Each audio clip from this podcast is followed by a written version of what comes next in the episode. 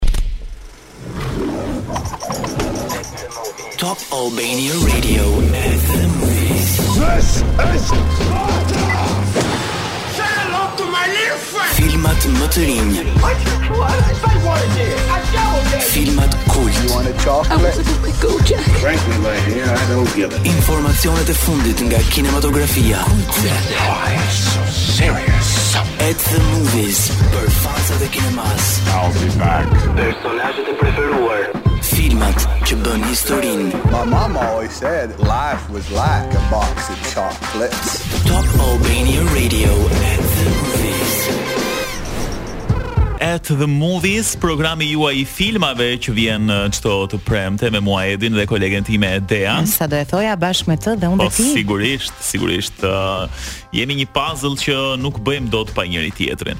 Sot do të flasim për shumë gjëra, për një film interesant, po hym direkt në temë sot. Um, pjesa e dytë e të cilit ka mbërritur dhe kemi diskutuar në fakt disa po thoja prime të mëparshme.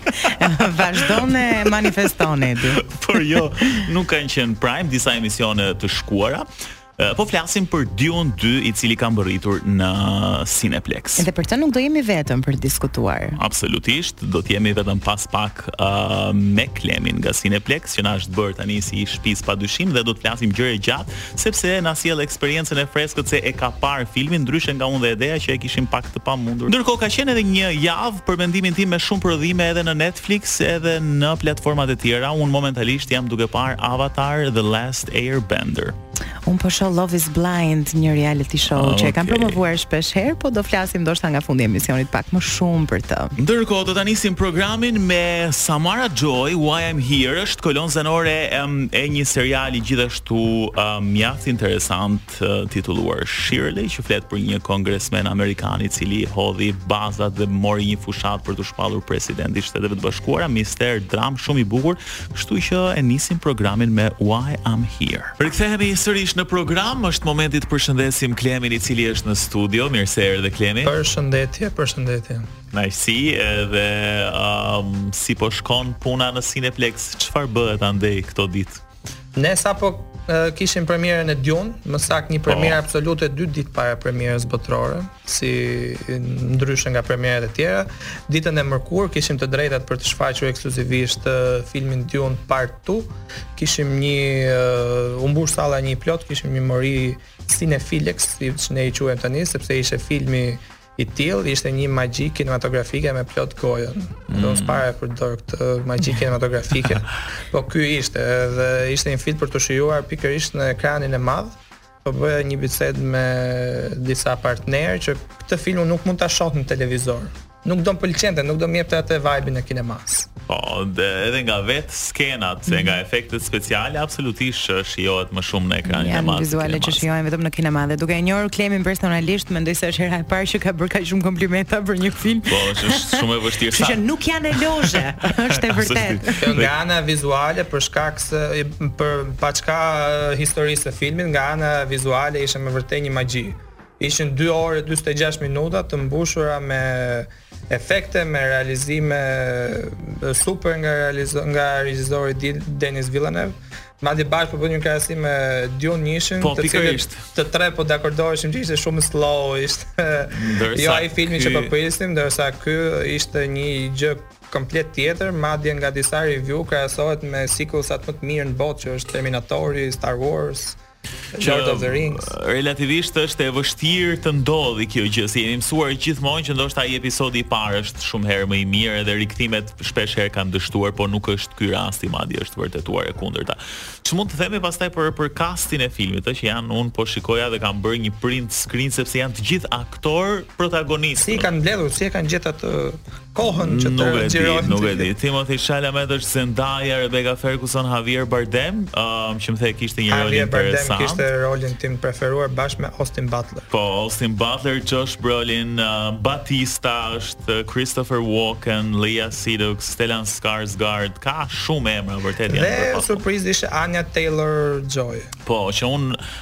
Po e pres uh, Anyan tek Furiosa e pyeta Klemin nëse do të jetë um, ky film së shpejti. Mos u ndiko nga po titu.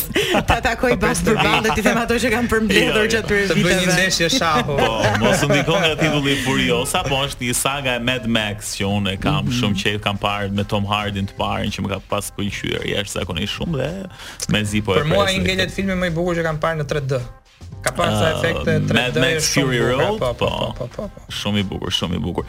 Mirë, um, ne përveç um, Dune 2-shit që do të ndalemi dhe më pas të flasim për disa gjëra interesante sa i përket këtij filmi, kemi gjithashtu edhe një premierë tjetër që është në Cineplexx, titullohet Zjarrfikës me zemër. Ndjekim pak trailerin për të kuptuar se për çfarë bën fjalë. Vajzat s'mund të bëhen zjarrfikëse, mos ia fut kot. Kush tha që vajzat nuk mund të jenë zjarrfikëse? Mirë ekipi, vishu, vishu, vishu. Një film për të gjithë familjen. Bëj kujdes, Joe, e kontrollove? Dubluar në shqip. Presionin e ujit. Ke ndenjur në shtëpi gjithë ditën? Njësoj si dje. Zjarrfikës me zemër. Unë jam shoferi më i mirë në botë. E pabesueshme. Por mua më duhet një shofer që të rrijë gjithmonë si unë. Në Cineplexx TEG dhe QTU. Georgia Nolan është një vajzë 16 vjeçare e cila ëndërron të bëhet zjarrfikësja e parë femër. Kur një antagonist fillon të djegë gjithë Broadwayn si për çudi zjarrfikësit e New Yorkut fillojnë të zhduken njëri pas tjetrit. Kryebashkiaku thërret babanë e Georgias, Shawn, të rikthehet nga pensioni për të udhëhequr hetimin për zhdukjen.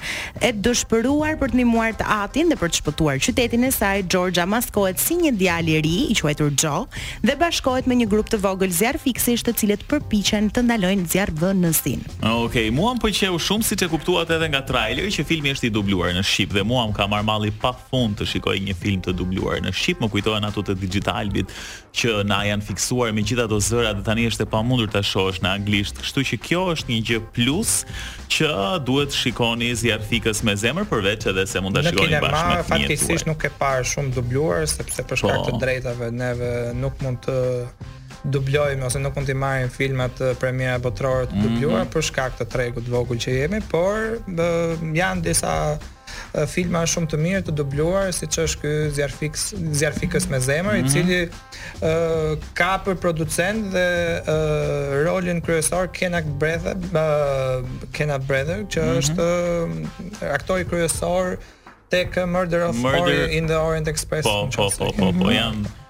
Tek të dyja pjesët mos gaboj është Kenneth Branagh. Edhe tek eh, Murder in Orient Express. Venice, edhe tek pjesa e tretë, Po, po. po. e luan rolin e detektiv Poirot. Okej, Po. cilët janë disa nga zërat që do të dëgjojmë? Shqiptarët realisht nuk i di, nuk i di, Okej. okay. por ky është eh, është eh, producenti dhe e ka bërë këtë film me, me shumë zemër, me sa kam lexuar edhe unë. Është perfekt, për familjen, aq më tepër për ta parë të dielën, sepse e diela shënon të dielën e kursimit në Cineplex, që do të thotë janë plot 5 filma që ju mund t'i shikoni për 300 lekë secilin, kuptohet. Në këtë kategori janë The Beekeeper, që më kanë thënë që është shumë film i mirë me Jason Statham, nuk e kam parë ende, po të gjithë thonë këtë gjë. Po. Domethënë është pak underrated, domethënë ndoshta nga nga marketingu etj, nuk e di, po është film shumë i mirë thonë. Ishte një aksion, kishte ca kishte disa momente komedie shumë të lezetshme të në në kuadrin e Jason Statham. Po, po, po, është Madame Web, Beautiful Wedding, Argylle dhe Wonka. Mua më pëlqen ende Argylle, nuk e di uh, se çfarë mendimi ka patur publiku, po mua më ka pëlqyer shumë si film. Lëre Dua Lipa, nuk po më më. Se ideja ka kështu. Dua Lipa ishte hapi i parë që të bëhej aktore, po, sepse po. aq sa e pamë tek po, Argylle në 3 minuta 5 Mua realisht po, më pëlqeu. Po filmi në tërësi edhe edhe e po. dua, po filmi në tërësi ishte një gjë shumë e çuditshme, po në fund është shumë e bukur dhe të lë një mhm. shije shumë të mirë. Fatkeqësisht unë ende s'e kam parë, do sugjeroja edhe Wonkën, ishte një film i cili shijohet jashtëzakonisht shumë, sidomos me familjen, kur e shikon me prindërit, me të vegjlit e të mm. tjerë. Wonka neve po na çudit, pasi vazhdon akoma, është film që ka dalë në fillim të dhjetorit dhe vazhdon akoma oh. shihet me shumë interes nga publiku familjar. Ne po hyjmë në mars tani, po, nuk do të thotë që vetëm për Krishtlindje hahet ajo çokollata më e mirë e Wonkës, jo, kurse no. Madame Web nuk ka marrë review-t më të mira në rrjet, kudo anembanë, nuk e di pse, ndoshta për shkak të këtij paragjykimit edhe unë jam stepur përpara se të shkoj në kinema edhe ta. Por një film që ka Sydney Sweeney sado paragjyk, Sado paragjykime dhe review të këqija të ketë. Jam e rrethuar me dy meshkuj që zgjedhin bazuar tek aktorët. Jeni ke dua. Oh, Okej, kështu që mos harroni të dielën e kursimit në Cineplex, mund të shikoni uh, filmin tuaj të preferuar nga këto të pesë që uh, lartpërmendëm për vetëm 300 lekë, ndërkohë keni sigurisht edhe programin e gjerë bashkë me premiera të reja. Mirë, shkëputemi për pak dhe rikthehemi për të folur për disa fakte interesante për Dune 2. Rikthehemi në At The Movies, jeni me mua Dean, me Edin, jemi dhe me Klemin nga Cineplexi, po flasim pak për Dune Part 2-shin, pjesën e dytë, e cila është momentalisht në Cineplex, po lexoja disa fakte interesante të filmit dhe diçka që më mbeti në mendje ishte se regjizori Denis Villeneuve, se po e kërkonim. Villeneuve. Villeneuve. Okej, po e kërkonim gjatë gjithë. Villeneuve. Villeneuve ishte francez, i dimë sonte është kanadez, ne kërkuam si si shqiptohet, por emri, mbiemri ishte francez ama, duhet ta themi. Po, po tash ti. Villeneuve, Villeneuve. Të paktën këtë na tha Google-i. Ë, regjizori ka dalë me një deklaratë shumë interesante ku ka thënë se nuk do të publikojë asnjë skenë të shkurtër ose të fshirë nga filmi, sepse beson në teorinë që po e diskutonim me Klemin dhe pak më përpara dhe është shumë e nevojshme po e jap si një mesazh për të gjithë regjizorët ose regjizorët njerëzit që aspirojnë të bëhen regjizorë mm -hmm. që ndonjëherë duhet t'i vrasësh bebet e tua e di që kjo në shqip duket shumë shumë e errët por Killing our own father, pra të vrasim babain një herë që të ngrihemi. Ideologjia është kjo që ndonjëherë kur krijon diçka, kur shkruan diçka, kur është arti yt, ti normalisht dashuron çdo pjesë të saj, por gjëja më e mirë që ti mund të bësh për veten tënde është që ndoshta të shkëpusësh disa gjëra që ti të ty do duken shumë të bukura, por të tjerëve jo dhe aq. Dhe pikërisht këtë ka bërë Denis Villeneuve, i cili mm -hmm. ka mhm. thënë, nëse nuk është në film ka vdekur, i vras dashuritë e mia, pra bebet e mia. Uh, por sipas tij kur ai editon dhe përzgjedh klipet më të mira për filmin, nuk mendon për egon e tij, por mendon për më të mirën e filmit, prandaj ndonjëherë lëndon dhe veten gjatë këtij procesi, uh, lëndon veten këtu e thënë metaforikisht se çfarë çfarë bote është kjo e Denis Villeneuve. që ka krijuar Dune-in aq shumë skena sa disa i ka hequr nga filmi dhe filmi vazhdon të jetë 2 orë 46 minuta. Tani mm. a besoj unë që ato janë në një hard drive ose janë diku patjetër që po. Patjetër, a ka njerëz që do paguanin shuma marramendëse për të pasur akses te këto patjetër, por uh, Me sa duket ai po i ruan mirë tek ajo. Por në një moment studio ti... Warner Bros më thotë që shiko se na duhet të bëjmë një re-release tjetër të filmit me këto skena sepse na duhet dhe deri në rend do të pranojë. 20-30 vjetësh. Megjithatë, bravo Denis Villeneuve se këtu vuajm shumë nga vetëkënaqësitë e regjisorëve që vdesin duke qeshur me një skenë dhe duhet të tjetër. Dhe ti e shikon një film. Shiko sa bukur ishte që si e kam bërë. Dhe janë 200 njerëz që janë thjesht si, si bulë këta, thjesht po qëndrojnë, e vërtetë. Okay. Uh, një tjetër fakt interesant është se Austin Butler duhet të shtonte 11 kg muskul. Edhe ndonjëherë dëgjojmë shumë shpesh që aktorët shtojnë peshë, heqin peshë, po të shtojnë muskul mund të jetë të paktën për mua një nga herët e para që e kam dëgjuar këtë gjë, se kjo do thotë akoma më shumë punë se të shtosh thjesht 11 kg Tul. Ajo atë e di. Masë muskulare. Po, po sigurisht është vetëm ka ka një rol fantastik. Mhm. Mm e di që fakt tjetër është që ka të njëjtin rol që ka pasur edhe Sting, këngëtari Sting në Dune-in e parë. Okej. Okay. Po, kanë bërë edhe ca foto bashkë tani tek kjo Dune mm. dyshë. Më duket sikur Dune është një kështu familje e madhe mes kastit të vjetër, kastit të ri, të gjithëve së bashku është interesante vërtet për ta. Sidomos ky i riu. Ëm një fakt tjetër që po futem ke shifrat ke bota ime tani. Futemi ke shifrat. Dune ka kushtuar gjithsej 190 milion dollar si buxhet, por 170 milion i ka bërë vetëm në ditët e para me pre-sale. Kështu që pritet një film që të kapi targetin 1 miliard dollarë box office në dy javët e para.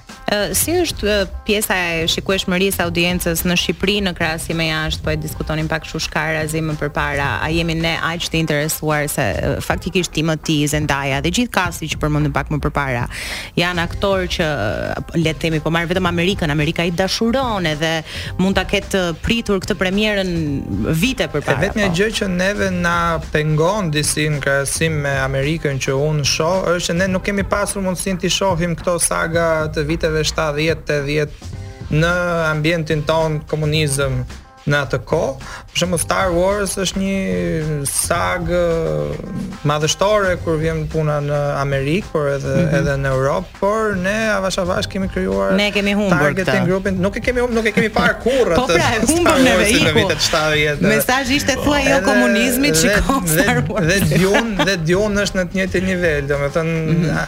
Dune ka pasur fansat e vet Para se të fillonte si si sagë, pasi ka qenë libër bestseller në Amerikë, është bërë Dune 1 dhe Dune 2 në vitet 70 dhe tani po bëhet uh, recreation nga Denis Villeneuve. Po kanë ndikuar për mendimin tim pak edhe këto serialet. Për shembull, mua Dune uh, më ngjau shumë pak me The Mandalorian apo uh, edhe disa seri të lidhura me Star Wars, si do thotë i kanë afruar pak më shumë njerëzit me këtë botën e e njerëzit, njerëzit në Shqipëri u afruan me botën e Star Wars direkt pas hapjes së demokracisë, pasi ne kemi target mm. group uh, që kemi fan base të Star Wars, ne kemi krijuar disa premiera të dy Star Warseve që kemi pasur në Cineplex, ku një njëra ka qenë shumë e veçantë, kemi shfaqur Star Warsin të parët në Europë në orën 12 natës. Oh. Dhe kinemaja ishte plot me fansa të vërtetë të Star Wars. Por në qoftë se do flasim në shifra absolute me shifra është po sigurisht. Një fan base më i ulët se sa filmat uh, superhero ose horror mm -hmm. ose filma të tjerë. Megjithatë jemi në rrugë të duhur, po themi, jo, se besoj edhe nga shifrat edhe Dune dyshi, naturisht, besoj që do regjistroj më shumë shikues se sa Dune i parë edhe në kinema. Kjo është e sigurt, po, kjo kjo u arrit në dy ditët e para. Ah, kështu që prandaj ndryshimi edhe ndihet. Mirë, dhe fakti i fundit interesant që unë shkëputa pak nga një artikull që lexova është se Stellan Skarsgård kërkonte 8 orë për të aplikuar make-upin e trupit të tij dhe 2 orë për ta hequr. Pra 10 orë në total gjatë ditës i iknin për këtë procesin, duke llogaritur që dita është 24 orë, ikën këto 10 orë. Ngelen katërmbëdhjetë, supozohet që tetë janë orë të shëndetshme të gjumit që ti duhet të bësh. Kur ka xhiruar ky aktor? A mund të bëre pyetje kur ka bërë bërë make up dhe heqje make up. Fantastike. E, e kryve punën tënde për sot, ja ku është pagesa. Shumë s'e ka funksionuar. Mirë se vje.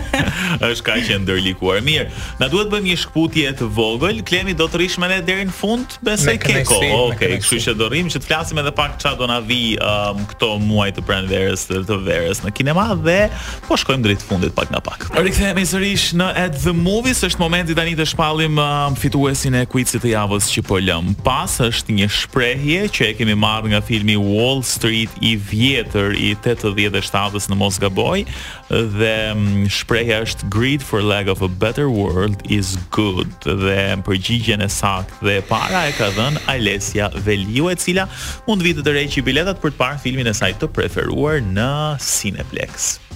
Klemi, çfarë kemi tani ë uh, Ça presim në gjë. Kemi javën tjetër kemi Pandën Kung Fu Panda 4, oh, kush po ndihet po nostalgjik edhe un realisht edhe besoj që shumë mosha jon do vin ta shohin Kung Fu po, Panda. Po, dhe tani un 4 do doja të kisha folur më shumë, po e harrova fare nga javën tjetër. Javën tjetër. Edhe un po pres, nuk e di kjo ideja nga Top Channel Film, nuk e di s'po na jep shumë informacion, po më duket i ka ca gjëra të shkëlqyer. Gjithmonë diskret, po nuk pushon asnjëherë, ama domethën nuk flet po, shumë, po është në duke shkruajtur, duke bërë gjëra, nuk e Kur të jetë momenti i duhur, do ta zbulojmë. ne në listë ato që i kemi të patitulluar, projekte kështu zhargon, i quajmë untitled films. Kështu që mund të kemi ca untitled. Unë i quaj top, top secret. Megjithatë, fakti që po rrëmohet, po punohet, do të thotë që mund të kemi diçka shpejt. You are very welcome top channel films. Mezi po presim dhe ne të kemi për një të tonë. Dhe tani na mungon një shtrëngim duarsh. Ta mbyllim. Okej, mirë, klemi do dëgjohemi sërish se ne këtu jemi. Ne do vim atje, se e kemi shtuar dozën e të shkuarit. Unë kam filluar të shkoj shpesh në Cineplex, edhe dua ta falenderoj klemin publikisht për mikpritjen. Wow. Çoka. Wow. Ftesë nuk mora kurr, po gjithsesi, faleminderit. Për Dune, për Dune. Po, the do shoh njëshin, pastaj do vi shohësh dysh. Ah, okay, kështu që doja të thoja që ne këtu do jemi edhe për projektet që do vinë, qoftë edhe nga ne, por edhe nga ëm um, premierat e mëdha botërore. Faleminderit që ishe Klem. Punë të mbarë, kolege ime e dashur, ne do të dëgjohemi të premten tjetër. Kalofshi bukur, mirudëgjofshim.